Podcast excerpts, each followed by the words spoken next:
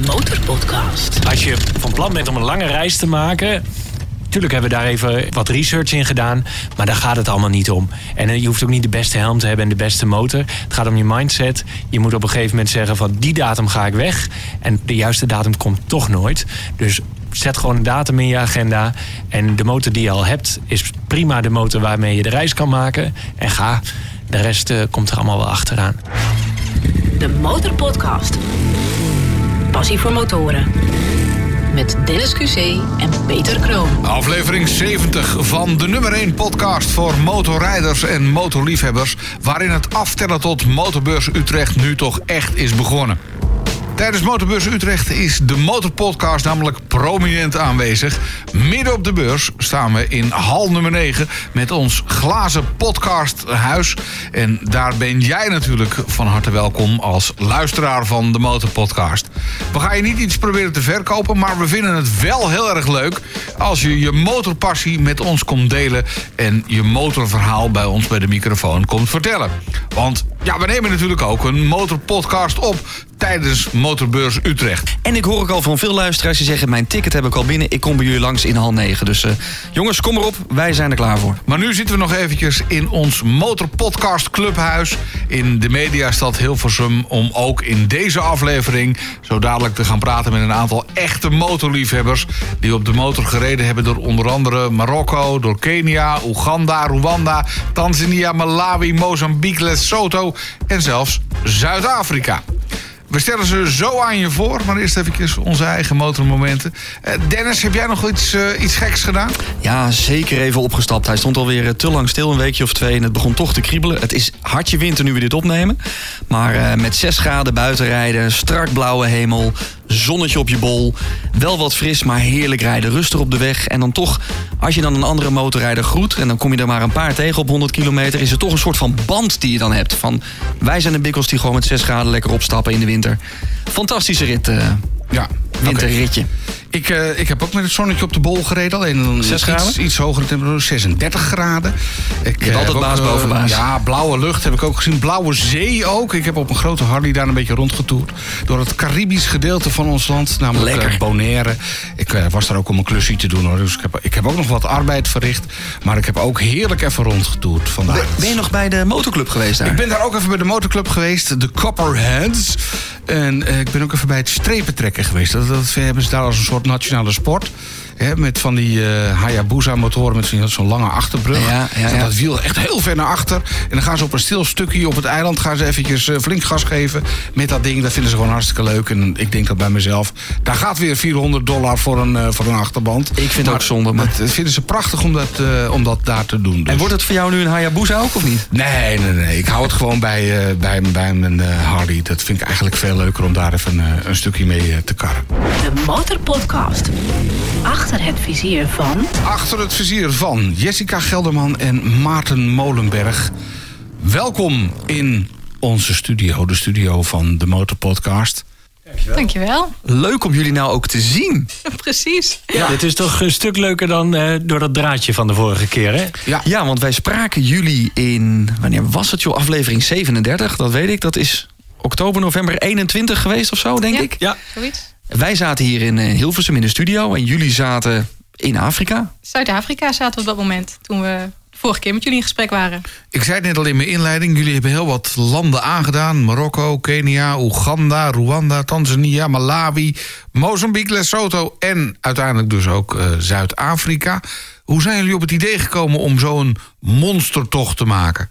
Ik zeg altijd, als je, uh, als je wil reizen moet je flexibel zijn. En in die coronatijd was dat natuurlijk uh, nog eens een keer, uh, keer vier. Um, ons plan was om van Nederland naar Kaapstad te rijden. En de route maakte ons eigenlijk niet zoveel uit. Maar het leek ons gewoon heel mooi om een motorreis dwars door Afrika te maken. Dat is uiteindelijk allemaal niet doorgegaan door corona. En we hebben de plannen omgegooid. We hadden wel de mogelijkheid om de motoren te verschepen naar Zuid-Afrika. En we wisten op dat moment dat de landen in zuidelijke Afrika de grenzen allemaal open hadden. En dat was in heel veel andere plekken op de wereld was dat niet zo. En toen zeiden we van nou, dan kunnen we in ieder geval een deel van onze droom verwezenlijken. En we kijken wel hoe ver we komen. En uiteindelijk eh, hebben we heel wat Afrikaanse landen kunnen bezoeken. Voordat we losbranden, normaal gesproken in de Motorpodcast met een diepte-interview, stellen we eigenlijk altijd de vraag aan iedere gast: waar rij je op? Nou, dat kunnen wij ook in koor zeggen. Nou, kom maar op. gang. Wij Een rijden op een Yamaha Tenere Tenere 700. 700. Waarmee jullie eh, de Afrika-trip hebben gedaan. Ja, Die staan nog steeds voor de deur. Waarom hebben jullie voor die motoren gekozen? Nou ja, dat was eigenlijk best wel een eh, ja, hele makkelijke keuze. We waren op zoek naar een motorfiets die alles goed kan doen. En een eh, Yamaha Tenere is eh, eh, een, ja, eigenlijk het perfecte compromis voor een reis die wij maakten. Heel betrouwbaar, comfortabel voor lange afstanden. En als je onverharde wegen tegenkomt, dan kan je ook gewoon lekker doorrijden. En eh, doet die motor het ook super. Hebben ze gedaan wat jullie ervan verwacht hadden? Ja, absoluut. Ja? Eh, nou, Maarten vertelde net al dat we heel veel landen in Afrika... eh, dat we door heel veel landen in Afrika zijn gegaan op de motor. Eh, maar voordat we naar Zuid-Afrika gingen, hebben we ook door Marokko gereden. En eh, daar kwamen we ook door corona vast te zitten. Toen zijn we uiteindelijk teruggegaan naar Nederland. En we hebben echt op dat moment, toen we terug waren in Nederland, moesten we onze pannen omgooien. En we hebben gewoon geen moment gedacht aan een andere motor. Want we waren zo tevreden met deze motoren. Er zit weinig elektronica op, dus er kan ook ja, niks kapot. En dat is iets wat je in Afrika echt niet wilt. Dus eh, nee, we hebben echt geen moment getwijfeld. En we zijn er heel blij mee. En ik denk dat we, nou ja, als we het over konden doen, alsnog voor de Tenere zouden gaan. Nou heb ik een paar foto's gezien op jullie eh, Instagram. En ja, eh, daar was er toch eentje toch wel echt kapot. ja, hij heeft wel een paar keer op zijn kant gelegen, ja. Dus het, het, het, het kan wel kapot in ieder geval. Ze zijn. we hebben ze goed getest, laat ik het zo zeggen. Maar na elke val hebben ze het weer gedaan. Ja, een keer lekker band. Maar dat hoort erbij. Dat is onderdeel van het avontuur. Ja, En ik denk voor, zo'n reis, dat je van tevoren weet van nou we gaan eh, dingen tegenkomen, dat kunnen we van tevoren niet verzinnen. Moet je je motor een beetje uitrusten met wat valbeugels en wat extra bescherming. Dat hebben we ook gedaan. En eh, nou, die hebben de klappen goed opgevangen. Ja. Waarom hebben jullie uiteindelijk voor dit continent gekozen om een eh, monstertocht te maken? Nou, we, we, uiteindelijk is het dus allemaal anders gelopen. Maar ons idee was, we willen graag vanuit huis weg kunnen rijden. En dan kan je richting het oosten. En eh, die kant op heb ik al een keer een reis in mijn eentje gemaakt. En eh, nou ja, dan kan je eigenlijk, als je ver wil reizen, kan je alleen nog maar naar het zuiden. Dus eh, zo, zo is het idee eigenlijk eh, geboren. Ja, en we hadden allebei al wel echt iets met Afrika. Dat het ons gewoon een prachtig continent leek. En toen we het met z'n tweeën erover hadden om op reis te gaan... ja, waren redelijk snel de knoop doorgehakt en gezegd... we gaan naar Afrika. Toen we jullie spraken, toen zaten jullie in Zuid-Afrika. Ehm, jullie zouden nog een, een heel plan. Lesotho, Swaziland, Mozambique. Daarna eigenlijk geen plannen, maar jullie wilden uiteindelijk gaan eindigen in Kenia. Nou, voor de mensen die het hele verhaal tot Zuid-Afrika willen, willen horen, zou ik willen zeggen, beluister aflevering 37. Want daarin hebben jullie het hele verhaal tot Zuid-Afrika verteld. Maar wat is er daarna allemaal gebeurd? Nou, het was eigenlijk precies zoals we tijdens die aflevering ook vertelden. We weten het niet. We zouden vanuit Zuid-Afrika eh, richting Mozambique gaan. Dat hebben we ook gedaan. En vanuit daar hadden we in eerste instantie het idee om dan richting ehm, het westen te gaan. Richting ook Botswana, Namibië. Maar dat was gewoon qua seizoen niet heel logisch. Omdat het daar hartje zomer was. Nou, dan zit je tussen de 40 en de 50 graden. We hadden al een keer eerder in de woestijn gereden, maar dan in de winter. Dat was nou, dus aan te raden. En dat is gewoon echt een, eh, eh, een mooie tijd om in de woestijn te rijden. Ja, met 40, 50 graden, daar zaten wij niet op te wachten. Dus we hebben het omgegooid en we zijn richting het noorden gegaan vanuit Mozambique. En dan kom je in eh, Malawi uit. Nou moet je om zo'n ja, ongeveer wereldreis te maken... Ja, daarvoor ben je toch even een poosje uit de running. Dat wil zeggen, uit de officiële running. Je moet je baan ervoor opzeggen. Ja, dat vind ik toch wel even wat... Hoe, ja, hoe, hoe pak je dat op een goede manier aan?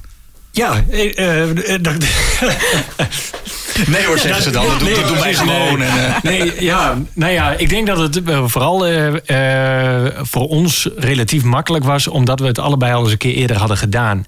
En als je dan terugkomt in Nederland en je merkt, oh, ik, eh, ik ben zo weer ergens aan de bak en binnen twee maanden pak je de draad weer op, dan maak je zo'n keuze waarschijnlijk ook een eh, makkelijker een volgende keer. En juist als je een hele poos eruit bent, eh, zoals wij zijn nou, nou in ieder geval meer dan een jaar eruit geweest, en je komt weer terug in Nederland, Iedereen die heeft nog dezelfde baan. Mensen lopen nog op dezelfde gimpen rond.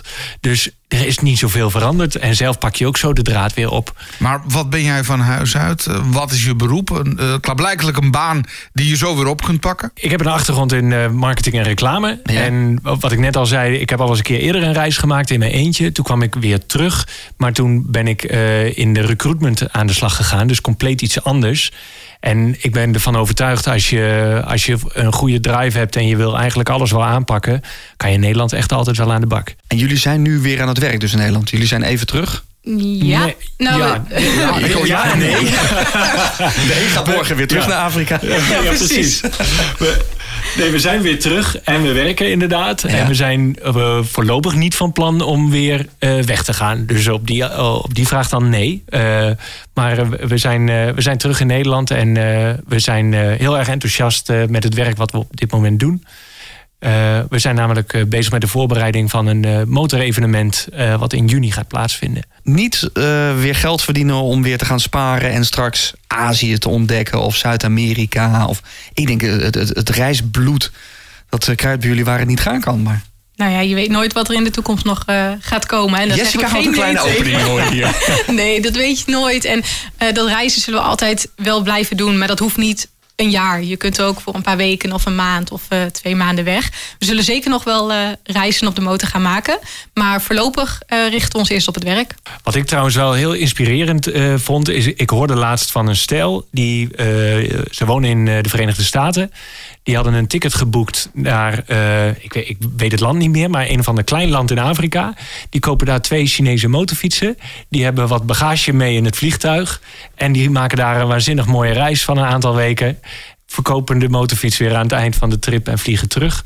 Dat is eh, toch een waanzinnige manier van motorrijden. En dan kan je in één keer overal heen waar je maar wil. Zonder verschepen, zonder ingewikkeld eh, gebeuren. Zou dat ook wat voor jou zijn? Twee, twee Chinese motoren? Ja, ik weet het nooit hoor. Met eh, twee Chinese. Ja, je hebt nu twee Japanse motoren. Maar ja, je zou zeggen twee, twee Chinese. Maar ik, ik weet het niet.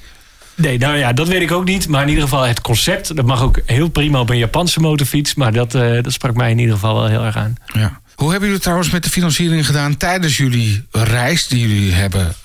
Die nu achter de rug is eigenlijk. Ja, want jullie hadden het over volgens mij 43,50 euro dagbudget. 42,50 euro. 42,50 euro Dat heb je dagbudget. goed onthouden. Ja, dat klopt inderdaad. En die vraag krijgen we heel veel. En ehm, het grappige is als je erover nadenkt van nou, als je dat budget hebt per dag, nou, hoeveel moet je dan wel niet hebben om te kunnen reizen? Nu we terug zijn in Nederland, geven we meer uit dan tijdens onze reis. Als je op reis bent, geef je niet zoveel uit. Tenminste, dit gaat dan om een reis eh, zoals wij reisden, ook met een tent en eh, veel bij guesthouses. En ehm, we eten langs de kant van de weg, gewoon met, eh, ja, bij een lokaal tentje, waar je ziet dat er wat rook ja, uit de schoorsteen komt. Dan weet je, nou, daar wordt gekookt. Dus Ja. dan ga je daar naar binnen en ga je daar eten en dan heb je de leukste ontmoetingen. Dat is onze manier van reizen geweest en dat hoeft niet veel te kosten ja, dat was gewoon voor ons een kwestie van sparen. We hebben voor die tijd eh, eh, gespaard. Toen we elkaar leerden kennen, redelijk snel een keuze gemaakt. En gezegd van we gaan met z'n tweeën op pad. We gaan met de motor op reis. We hebben wat extra tijd gehad doordat er eh, corona in het eten gooide. En dat we niet direct weg konden. Dus we hebben extra veel kunnen sparen voor die tijd.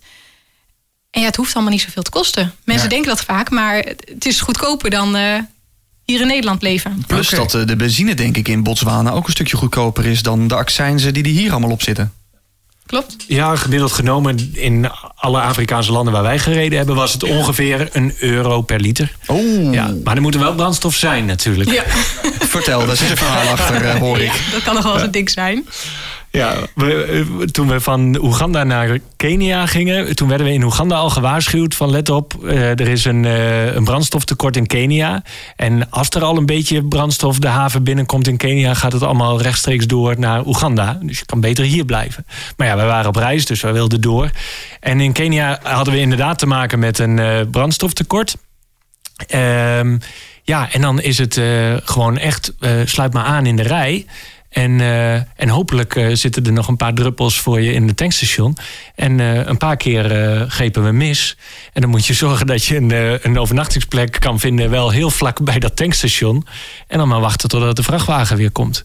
En dan vooraan staan en hopen dat er voor jou een druppel in zit. Ja, Ja, en Precies. op een gegeven moment hebben we wel, eh, wat was dat, vier nachten op één plek eh, zijn we verbleven. Dat doen we wel vaker, maar nu wouden we wel door, want dit was in zo'n klein dorpje.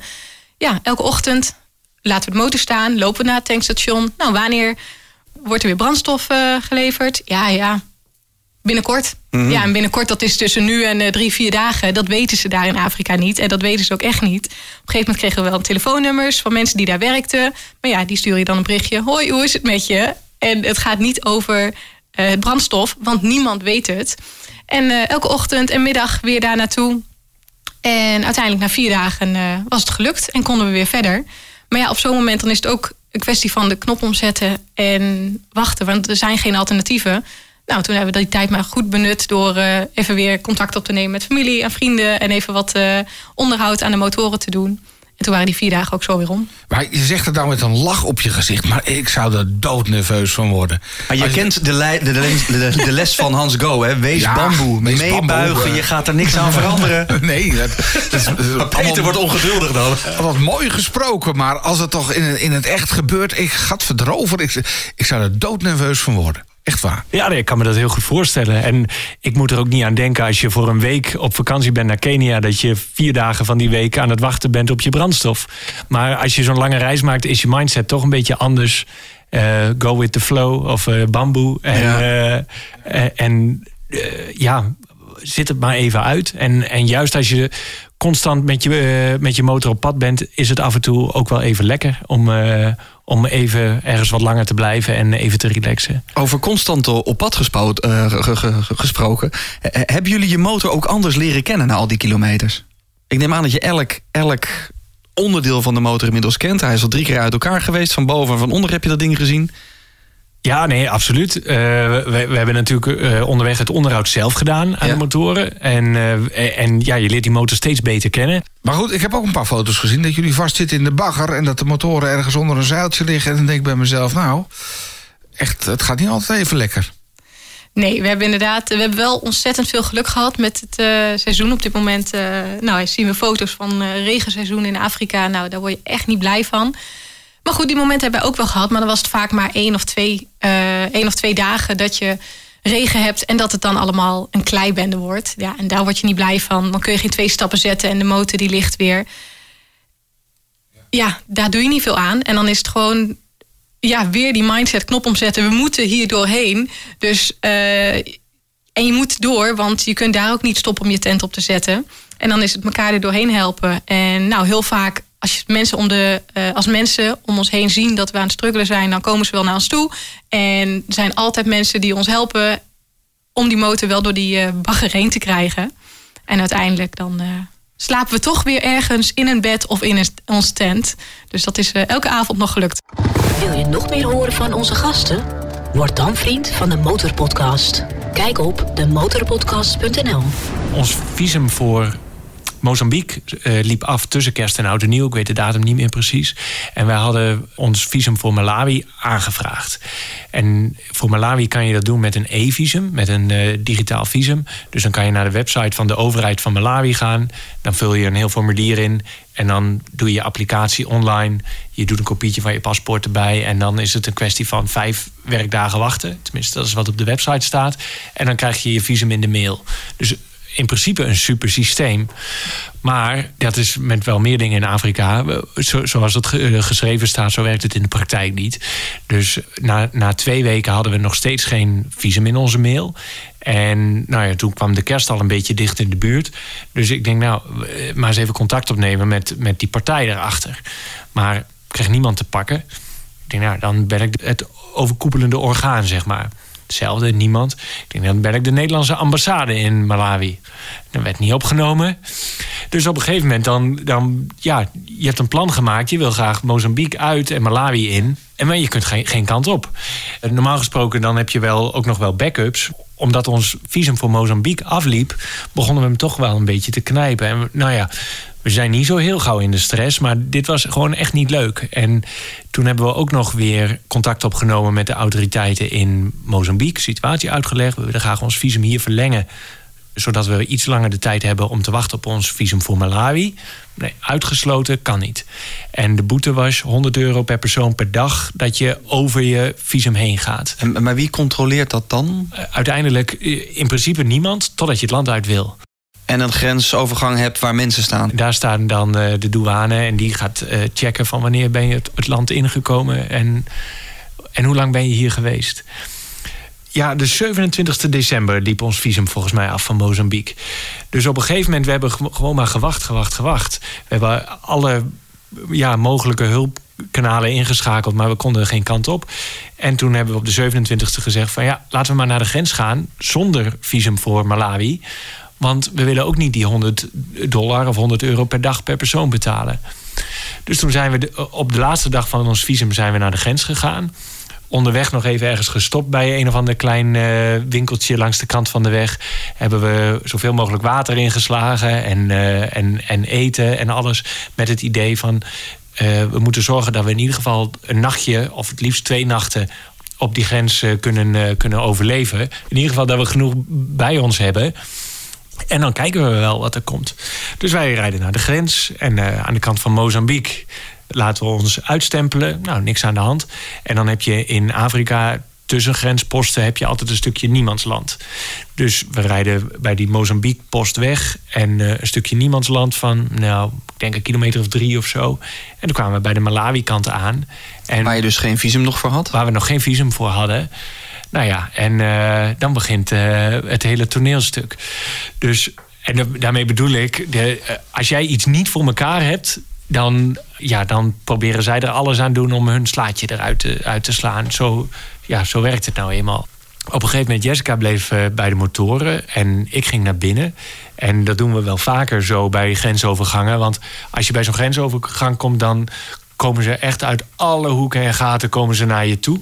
Omdat je, je een bezienswaardigheid bent. Ja, maar ook omdat ze geld met je willen wisselen of een simkaartje willen verkopen. Of oh, ja. jou wel willen helpen naar het juiste loketje te brengen. Nou ja, of een verzekering te verkopen. Dus ja, iedereen komt op je af. En juist omdat wij ook in een tijd reisden dat het niet zo toeristisch was. Als er dan eens een keer uh, toeristen langskomen, denken ze van ja, nu moet het ook even gebeuren.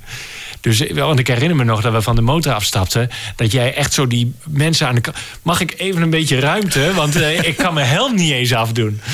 Uh, dus jij naar dat loketje en zij die locals weghouden. Ja, ja, ja, ja. ja, precies. Nou ja, maar, maar ja, het was de een of de ander. Maar in ieder geval, laten we maar wel iemand bij de motoren houden. Om, om de boel een beetje in de gaten te houden.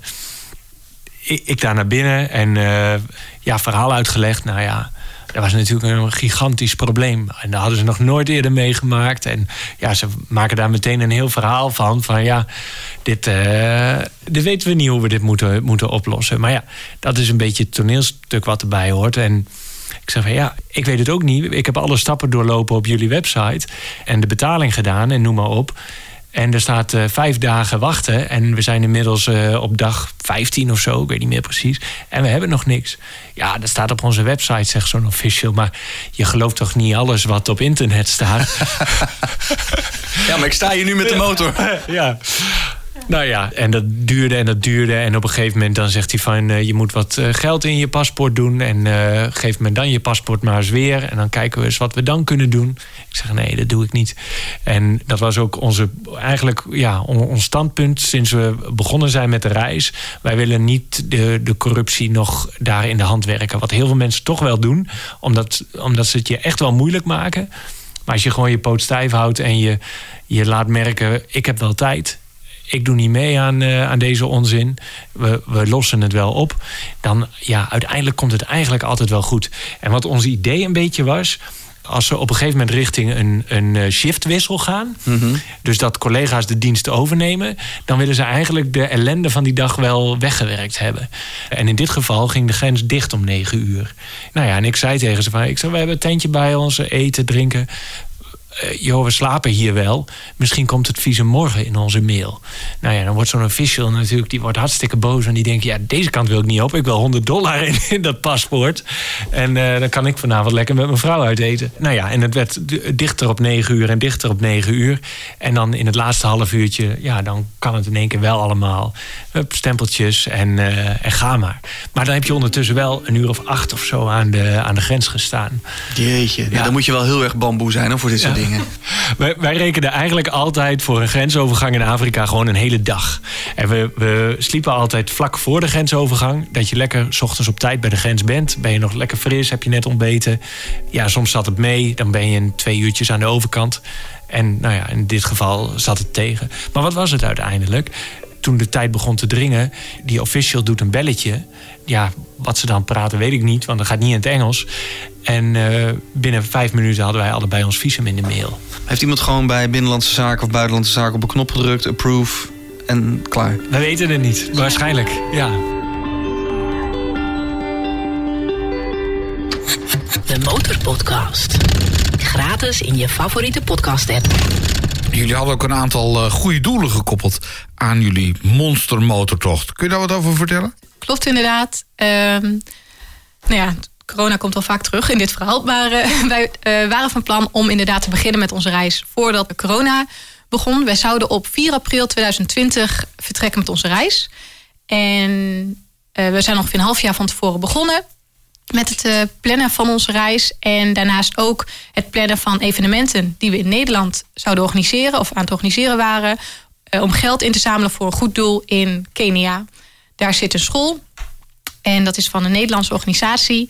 En die zetten zich in om kansarme kinderen daar toch de kans te bieden om naar school te gaan en onderwijs te krijgen. En dat vonden we zo'n mooi project waarvoor we dus, wat net al zei, geld hebben ingezameld door middel van evenementen. Van de drie evenementen die we georganiseerd hebben, kon er helaas maar één doorgaan. En dat was een eh, benefietdiner, wat een eh, heel groot succes was. En daarmee hebben we toch 3000 euro weten op te halen voor dit goede doel. Het heeft even geduurd, maar uiteindelijk twee jaar later hebben we toch de school kunnen bezoeken.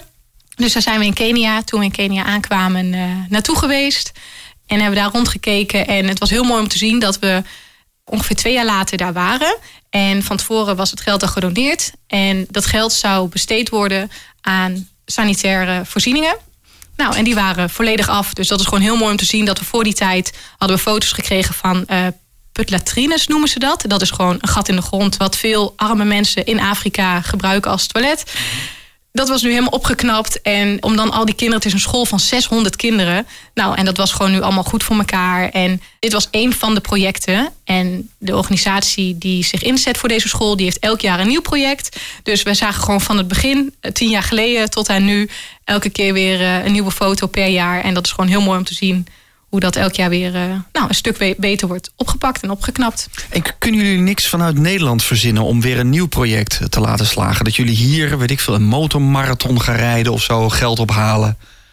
Je kan natuurlijk vanuit hier ook eh, een project in Kenia steunen. Ja, zeker. Dat zou eh, zeker nog een het niet optie in de zijn. planning?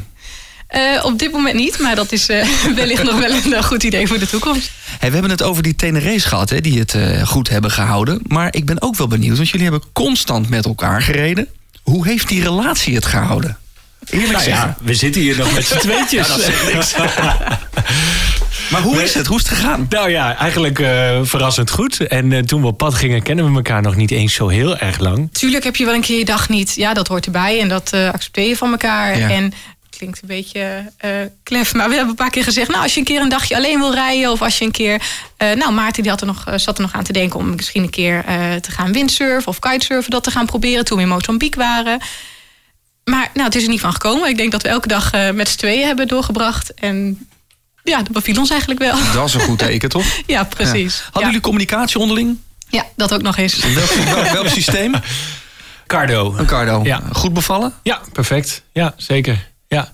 En dan hadden we nog een, eh, ja, nou ja, dat weet je nooit. We hadden een, een Pactalk Slim noemen ze dat. En die is aan de zijkant dus heel dun. En de accu zit aan de achterkant van de helm. Ja. En nou ja, met offroad rijden val je nog wel eens een keer. En dan heb je toch dat het iets minder snel waarschijnlijk eh, kapot gaat. En ja, ze hebben het hele reis ook volgehouden. Dus dat beviel goed. Hebben jullie nog meer reistips voor andere reizigers zoals deze? Heel nuttig.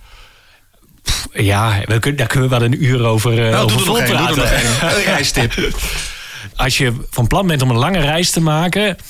Tuurlijk hebben we daar even wat research in gedaan.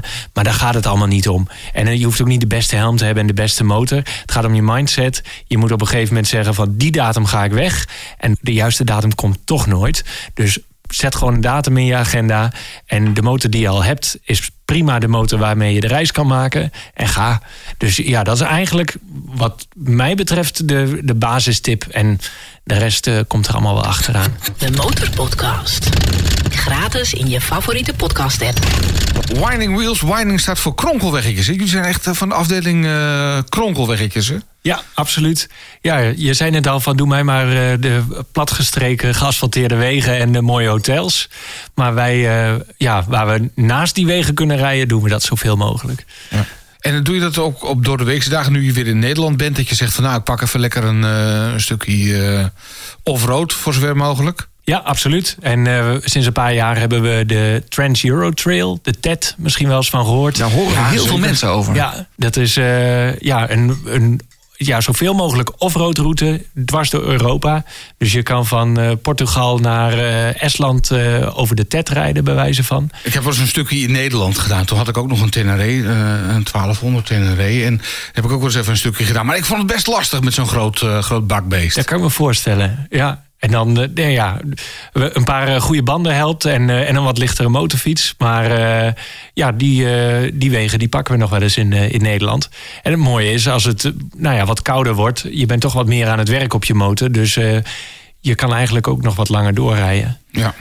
Is het überhaupt voor jullie nu nog leuk om in Nederland te rijden? Ik bedoel, je hebt de, de- de uitzichten als de Tafelberg gehad... encounters met olifanten, wildlife... en dan rij je hier op de A1. Oh, absoluut. Ja? Ja, dat gevoel wat je net even omschreef van nou 6 graden en eh, je komt vier andere motorrijders tegen, maar het zonnetje schijnt en dat ja, dat gevoel van vrijheid op de motor, dat, nou ja, dat heb je in Nederland of in Afrika. Maar, maar als je dat gevoel kent, dan heb je dat volgens mij overal. Dus eh, ik vind het nog steeds hartstikke lekker om in Nederland ook de motor te pakken en, eh, en een blokje om te doen. Ja, wat is jullie favoriete gebied om rond te rijden, Jessica? Eh, hier in Nederland. Ja? Nou, eh, waar, we net, waar Maarten het net over had, eh, de TED? Trans Euro Trail. Ja? Die heeft in Drenthe, wij komen, nou, ik uit Overijssel, Maat en Drenthe, net op de grens. Ehm, daar is een hele mooie lus in Drenthe.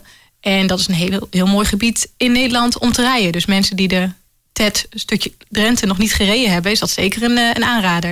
En kun je in twee dagen ongeveer doen. Dus als je dan halverwege ergens kampeert of in een tent of, of in een hotel slaapt, dan kun je dat in een weekend heel mooi rijden. Hey, ik heb nog één ding wat ik, wat ik me eigenlijk afvraag... voordat we het uitgebreid over jullie toekomst gaan hebben. Als je door een, eh, door een gebied, of tenminste door een continent als Afrika rijdt... en de mensen hebben het daar een stuk minder dan dat wij hebben... heb je je nooit geschaamd voor eh, je rijkdom? Ik bedoel, je komt daar op een relatief nieuwe motor aan. Ik, ik moet je zeggen, ik had het namelijk zelf op, op Bonaire eventjes... want daar leeft ongeveer 40% onder de armoedegrens... En dan kwam ik op een gegeven moment aan met een eh, ja, dikke, dikke Harley in mijn geval. En ik had toch zoiets van, gat erover, die mensen hier hebben zowat niks. Hebben jullie dat ook gehad? Ik, ja, ik kan me dat heel goed voorstellen. En ik was daar aanvankelijk eigenlijk ook heel erg bang voor wel, om, om dat gevoel te krijgen. En ik moet zeggen, dat gevoel heb ik bijna nooit gehad. Want bijna overal waar wij eh, stopten, en, we, en dan ja, vooral de kleine dorpjes waar, waar mensen echt niks hebben. Je, je stopt, mensen zijn lyrisch, enthousiast, komen naar je toe gerend, willen op de motor zitten. eh, en dan heb je helemaal niet dat gevoel. Maar het is natuurlijk uiteindelijk wel zo. De, jouw motorfiets alleen al kost misschien wel meer dan het hele dorp. Dus ja, dat gevoel is denk ik wel, wel terecht. Maar Absoluut, ja. eh, door het enthousiasme van de mensen... ja, verdw- verdwijnt dat op zo'n moment. En daarnaast is het ook zo dat in heel veel van die landen is eh, heel veel mensen, ik weet geen eh, percentages, maar het toerisme is heel belangrijk voor de mensen daar. Dus eh, op het moment dat wij daar aan het reizen waren, waren we op sommige plekken een van de eerste toeristen. En mensen waren zo blij om weer toeristen te zien. Dus hoe oneerlijk het ook is, ja, het is wel hun werk. Dus eh, heel veel mensen waren juist blij om weer te zien dat er eh, reizigers waren. Over toerisme gesproken. Neem ons eens mee naar nou, het, het, het mooiste stukje wat jullie in Afrika hebben gezien... nadat we jullie spraken vanuit Zuid-Afrika. Dat is een hele lastige. Er waren zoveel. Nou, heel veel gebieden waar we geweest zijn in Afrika, dat paste wel in het plaatje wat ik ook in gedachten had. Met uitzondering van Rwanda. Rwanda is echt een land waarbij ik niet echt een beeld had. Ja, gewoon een Afrikaans land de had ik in gedachten. Tutsis, toch? Die elkaar aan, aan mootjes hebben. Ja, en- dat klopt. Dus ehm, eh, het was heel tegenstrijdig, want het is een van de veiligste landen in Afrika op dit moment. Nou ja, en dan wetende wat die geschiedenis is, dan klopt dat bijna niet. Maar goed, we kwamen daar binnen en eh, mensen spreken heel goed Engels. Mensen zijn super vriendelijk. Eh, ze houden zich aan de verkeersregels. Maar eh, buiten dat allemaal om, nou, waarover we heel erg verbaasd waren, is het gewoon een schitterend land. Ze noemen het The Country of a Thousand Hills. Denk ik dat dat eh, een beetje de bijnaam is van Rwanda. Nou, en dat is ook zo. Er zijn alleen maar heuvels. En nou ja, of je nou van offroad rijden houdt of hard rijden. Nou, de wegen zijn supergoed. Geen gaten in de weg, strak asfalt, alleen maar bochten. Je ziet geen rechtstukje weg. Dus ja, voor elke motorliefhebber is dat eh, Ja. ja, een paradijs om te rijden. Ik zag op jullie, eh, ja, voor de mensen die jullie eh, eh, Instagram, jullie YouTube-kanaal zo nog niet kennen, we in, ik ga even in de show notes bladeren, zetten we alle links naar jullie, jullie websites en jullie Polar Steps. Ik zag daar jaloersmakende foto's, onder andere van jullie uitzicht vanaf de Tafelberg. Aan het aantal foto's gezien hebben jullie daar ook echt genoten. Überhaupt fantastisch, denk ik, om met je eigen motor de Tafelberg in Zuid-Afrika op te rijden. Maar ik zag ook ergens de Road to Die met allerlei waarschuwingsborden. Wat voor verhaal zat daarachter? Ja, dat was eh, heel extreem. Er was eh, de road eh, to the hell. Nee, het klinkt een stuk extremer dan dat het eigenlijk was. Zuid-Afrika, dat is natuurlijk ook, daar spreken ze Afrikaans. En dat lijkt best wel op het Nederlands. Dus die heet die hell. Zo heet die weg. En eh, die hebben wij gereden. En dat is ongeveer 50 kilometer naar een doodlopend eh, einde is het. En dat is een prachtige offroadweg. Maar de benaming komt gewoon omdat die weg die gaat naar een dal. En daar heb je een hele steile helling. Dus dat is eh, eigenlijk gewoon de weg naar eh, de Oh, Oké, helling. het is gewoon op zijn Zuid-Afrikaans. Ja, oh ja, Ja, Zuid-Afrikaans is niet zo goed, eh, sorry. De Dalweg. De Dalweg, ja. Die heb je hier in Hilversum ook. Dat valt ook reuze mee, de Dalweg. Maar misschien spannender dan ik heb ook foto's gezien. En volgens dat was niet gefotoshopt. Dat jullie echt nou, een close encounter hadden met een olifant op de motor. Dan kan ik me voorstellen als jij in een jeep zit met een of andere safari... dat dat relatief veilig is. Maar een ontmoeting met een olifant op een motor lijkt me minder prettig. Ja, ik denk een eh, encounter met een olifant ga je niet winnen op de motor. En dat was ook zeker een, eh, een spannend moment. Nou is het wel zo, je, je perspectief verandert als je ja, langer in Afrika bent. Ik weet nog dat we in Zuid-Afrika op een gegeven moment bij een nationaal park waren... wat volledig omheind was. Maar daar liep wel een doorgaande weg doorheen. En dan moest je bij een poortje zeg maar aangeven van... ja, ik wil er graag door. Nou, prima. Dan mag je niet van de doorgaande weg af, rechtdoor tot aan het andere poortje. En dan mag je gebruik maken van die doorgaande weg door zo'n nationaal park. Wat voor jullie lastig is, want jullie willen graag die weg af normaal. Inderdaad. Nou, maar, maar om een keer tussen die olifanten te mogen rijden, maken we graag een uitzondering. Dus eh, eh, dat hebben we gedaan. En ik geloof dat het een stuk was van, nou, ik weet niet, drie, vier kilometer. En ik weet nog dat we dat echt ontzettend spannend vonden. En dat die. Eh, Jessica vroeg ook bij dat hek, bij het eerste hek zeg maar... Van, het is toch wel vertrouwd hè, als we hier op de motor doorheen gaan. En dat die man zei, ma'am, you enter at your own risk. Oké. En, Ja, en met, dan denk je met die, met woorden gingen we het, het, eh, het park door. Dus dat was echt ja, heel spannend. Kom je verder in Afrika, dan worden de nationale parken zo groot... en de leefgebieden van, van die wilde dieren eh, nou ja, net zo groot... dat ze die wegen niet meer kunnen afsluiten met hekken en dergelijke. Dus daar lopen de doorgaande wegen gewoon dwars door de nationale parken heen... waar de, nou, treinen lopen er doorheen en eh, vrachtwagens rijden er doorheen. En het is allemaal de normaalste zaak van de wereld. En ja, gek genoeg ga je daar ook aan wennen. Dus op een gegeven moment, ja, dan rij je over, over een doorgaande weg. Rechts een olifant, links een giraf. En ja, het, het, het gaat wennen op een gegeven moment. En ik weet nog dat wij in eh, Oeganda stonden we naast de kant van de weg. Eh, omdat wij een hele familie olifanten zagen badderen in een, eh, in een meer. En eh, we stopten even om even foto's te maken. En tuurlijk, je bent echt wel op je hoede. Want je, ja, je zit midden in een nationaal park. Maar wij waren zo gefocust op die groep olifanten bij het water. En ik keek op een gegeven moment in mijn spiegel. Ik denk, dit is wel heel dichtbij. Stond er in één keer een andere familie, pal achter mij, op de weg.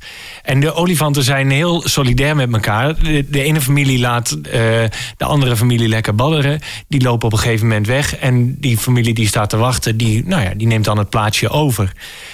Maar ik stond daar dus op die weg. En ik denk een een meter of dertig van, eh, van die familie. En Jessica stond verderop. Die had de camera. Ik zeg, maak nog even een foto. Nee, je moet daar nu weg. Ik was niet zo heel blij. At your own risk, at your own risk. Precies.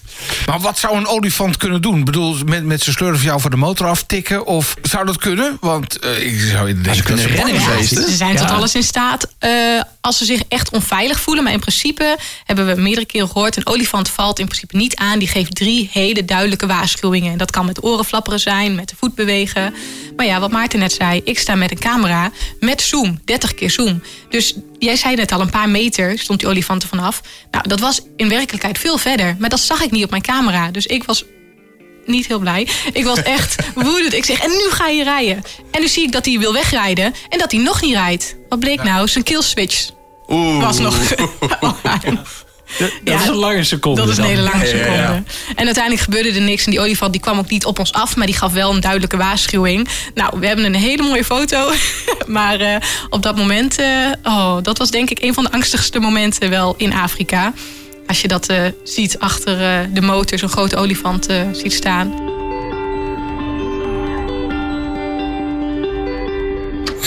De Motorpodcast. Gratis in je favoriete podcast-app. Zometeen nog voor jullie de vraag wat jullie gaan doen met 100.000 euro voor jullie motorpassie. Die moeten jullie wel met z'n tweeën delen. Eh, we willen ook nog van alles weten over jullie toekomstplannen. Maar eerst even de post, want er is weer veel binnengekomen. De Motorpodcast. Wesley Muller die mailt ons. Hallo mannen, ik luister altijd jullie podcast en ik vind het geweldig. Ik ben 16 jaar oud en ga later sowieso motorrijden. Kijk, dat horen we graag. Maar omdat ik nu nog niet oud genoeg ben, rijd ik een schakelbrommer. Een soort klein broertje. Kunnen jullie een keer een podcast maken over schakelbrommers?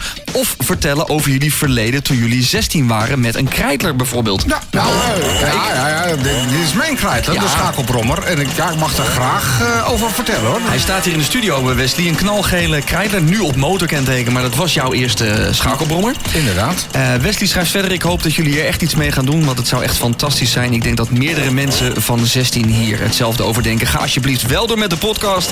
Hij zegt heel interessant, groetjes Wesley. Nou Wesley, goed nieuws. Wij gaan lekker door. En Arjen die mailt. eh, Dennis, je zocht tips voor je motortrip dit jaar in 2023. Afgelopen jaar heb ik met een vriend de Bochtenhemel in Luxemburg gereden. Een absolute aanrader, goed asfalt, lekker overzichtelijk en ontelbaar veel bochten. Prima te doen ook op één dag, inclusief koffie en lunch tussendoor. Kortom, genieten, wel op tijd boeken, want de populaire hotels zitten snel vol. Hij doet er nog een link bij naar motorroutes.nl. Succes met plannen. Goed van Arjan, een fervente luisteraar. Nou, Arjan, hartstikke bedankt. En wie we ook nog moeten bedanken is Daan Dauma. Hij is vriend van de Motorpodcast geworden. Dank eh, Daan voor het zijn van vriend. Ben je dat nou nog niet? Ga dan naar demotorpodcast.nl en klik op Word Vriend. En dan nog de vraag van de luisteraar.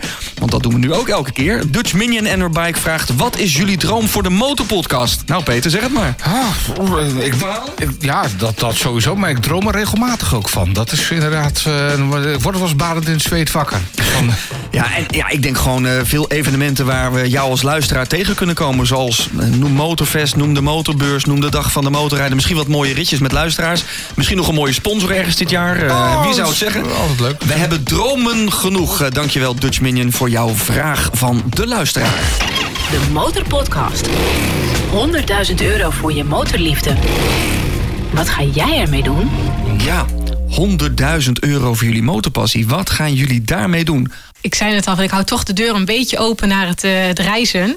Ik denk wel dat er dan nog weer een eh, vervolgreis aan zou komen. Waar naartoe? Ik denk richting Zuid-Afrika. Ik zie een beetje vragend kijken naar Maarten. Ja, precies. Jij hebt een andere doel dan, eh, voor ogen dan Maarten, denk ik, of Nee, niet? ik, zeg, ik eh, zei het verkeerd. Ik denk naar eh, Zuid-Amerika. Zuid-Amerika? Ja, Oké. ja.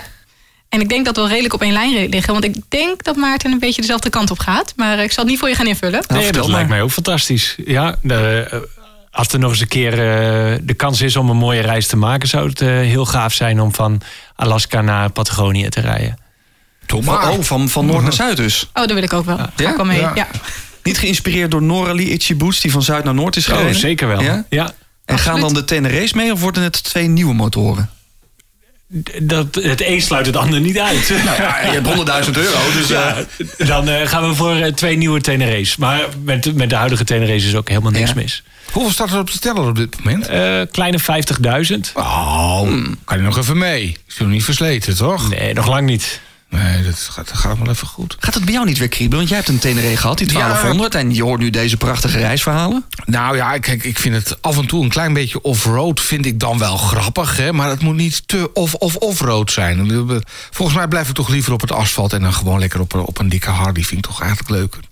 De kleine Stelvio, de echte Stelvio. Ja, dat, zelfs met Harley is, is me dat gelukt. Ja. Dus eh, kun je nagaan.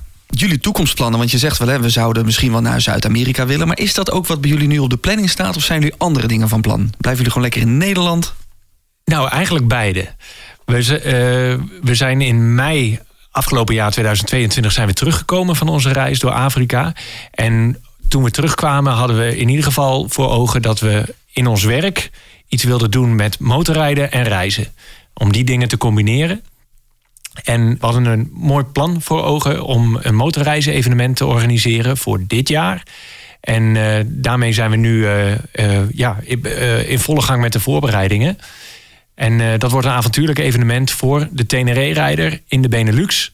Oh, ik dacht jullie gaan ze meenemen naar Zuid-Afrika, maar zover Wie gaat het weet in de toekomst. Maar de Benelux, waar ga je heen? Eh, we beginnen in het noorden van Frankrijk en we eindigen in de Spaanse Pyreneeën. Dat is nog best een flink eentje tuffen. Ja, zeker. Het zal een eh, traject worden van eh, pak een beet eh, 1400 kilometer in totaal. En dat verdeeld over vijf etappes. Onder leiding van jullie met alle tips en tricks. Precies. Compleet Ja. verzorgd. Moet je in een tent of mag Peter in een hotel slapen? Alles mag. We- we- Oh, jij mag sowieso niet mee, want het is voor Tenere's. Ah, Tenerife is zo gefixt, toch? Daar komen we wel uit. Maar lekker met Tenere-rijders onder elkaar van, eh, van, van Noord naar, naar Zuid rijden. En eh, natuurlijk mensen die met een. eh, het eh, concept is dat we gaan kamperen. Mhm. Dus mensen zullen hun eigen tent meenemen achter op de Teneré. En eh, met elkaar zullen we op reis gaan. Maar als mensen niet van kamperen houden en liever een hotel willen, eh, in een hotel willen slapen, dan kan dat ook. Is dat geen enkel probleem. En zijn ze alsnog eh, welkom om mee te gaan eh, tijdens deze reis richting de Pyreneeën. Maar je moet een Tenere rijden. Ja, het maakt niet uit welke Teneré. Het hoeft geen Teneré 700 te zijn, Mhm. maar het moet een Teneré zijn. Dat Als je nu zit te luisteren, als er iemand zit te luisteren die heeft een Tenere, waar moet hij naartoe om zich op te geven? dan kun je naar onze website en dat is www.teneretraveltrophy.com.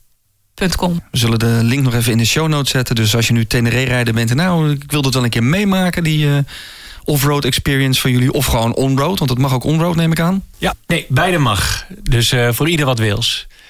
Ons doel was met dit evenement om een reisevenement neer te zetten voor de avontuurlijke Teneré-rijder. Ja. En om zeg maar dat, dat adventure spirit wat wij in Afrika hebben ervaren op die Teneré's, om dat naar één week terug te brengen, dicht bij huis.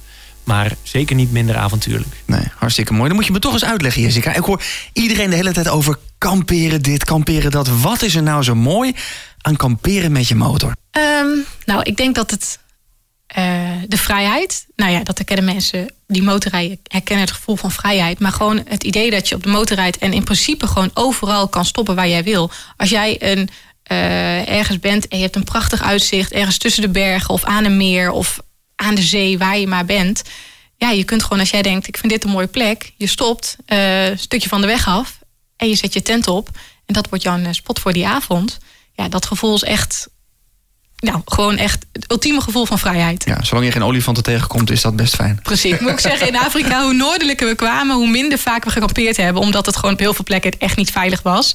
Dus dan deden we het niet. Maar op het moment dat er geen wilde olifanten eh, en leeuwen eh, in de buurt rondlopen, dan eh, ja, gaan we graag kamperen. Maar hoe zit dat in de Benelux? Mag je überhaupt in Nederland? Mag je toch niet zomaar overal kamperen? Nee, dat klopt. Wild kamperen eh, kan dan helaas niet. Dus daarvoor zou je wel even eh, nou ja, onderzoek moeten doen waar dat kan. Maar op het moment dat je richting Frankrijk gaat of Italië. Het hoeft ook niet altijd wild kamperen te zijn. Want op een camping kan ook hartstikke leuk zijn. Dat is waar. Bijvoorbeeld juist, eh, je hebt ook motorcampings waar je allemaal andere motorrijders tegenkomt. En die hele sfeer is ook super. Dus het hoeft echt niet per se een wild kampeerplekje te zijn. Hartstikke mooi. We hebben ook eh, speciaal voor jullie van onze gewaardeerde sponsor handigschoonmaken.nl een vizierreiniger set. Die zal regelmatig vies zijn geweest bij jullie. Dus uh, namens onze sponsor handigschoonmaken.nl uh, handig. Ook voor als jullie gewoon in Nederland rijden. Je vizier binnen een paar tellen weer mooi schoon. Hartstikke bedankt. En uh, Peter, dan was dit alweer aflevering 70 van de Motorpodcast. Ja. Ik denk dat wij de zooi gaan inpakken hier en ons klaar gaan maken voor de motorbeurs. Want de eerstvolgende aflevering komt daar vandaan. Ja, vanuit ons eigen glazen huis. Midden op de motorbeurs. En ja, voor het weekend, en dat is dan het weekend van 25 en 26 februari, kunnen wij nog wat hulp gebruiken. Als je nou zoiets hebt van, nou vind ik wel leuk om te doen, kan je uiteraard op onze kosten naar binnen. Help ons even mee met wat flyers uitdelen. En wellicht kruip je zelf ook nog even achter de microfoon. Nou, meld je gewoon eventjes info of stuur even een DM'tje. Als je nou zit te luisteren en je denkt, ja, ik, ik kom langs, ik wil jullie ontmoeten. Kom naar hal 9, want daar kom je de Motorpodcast tegen. Uh, de Motorpodcast is de nummer 1 podcast voor motorrijders en motorliefhebbers. Gemaakt door Peter en Dennis vanuit studio Het Kroondomein in Hilversum.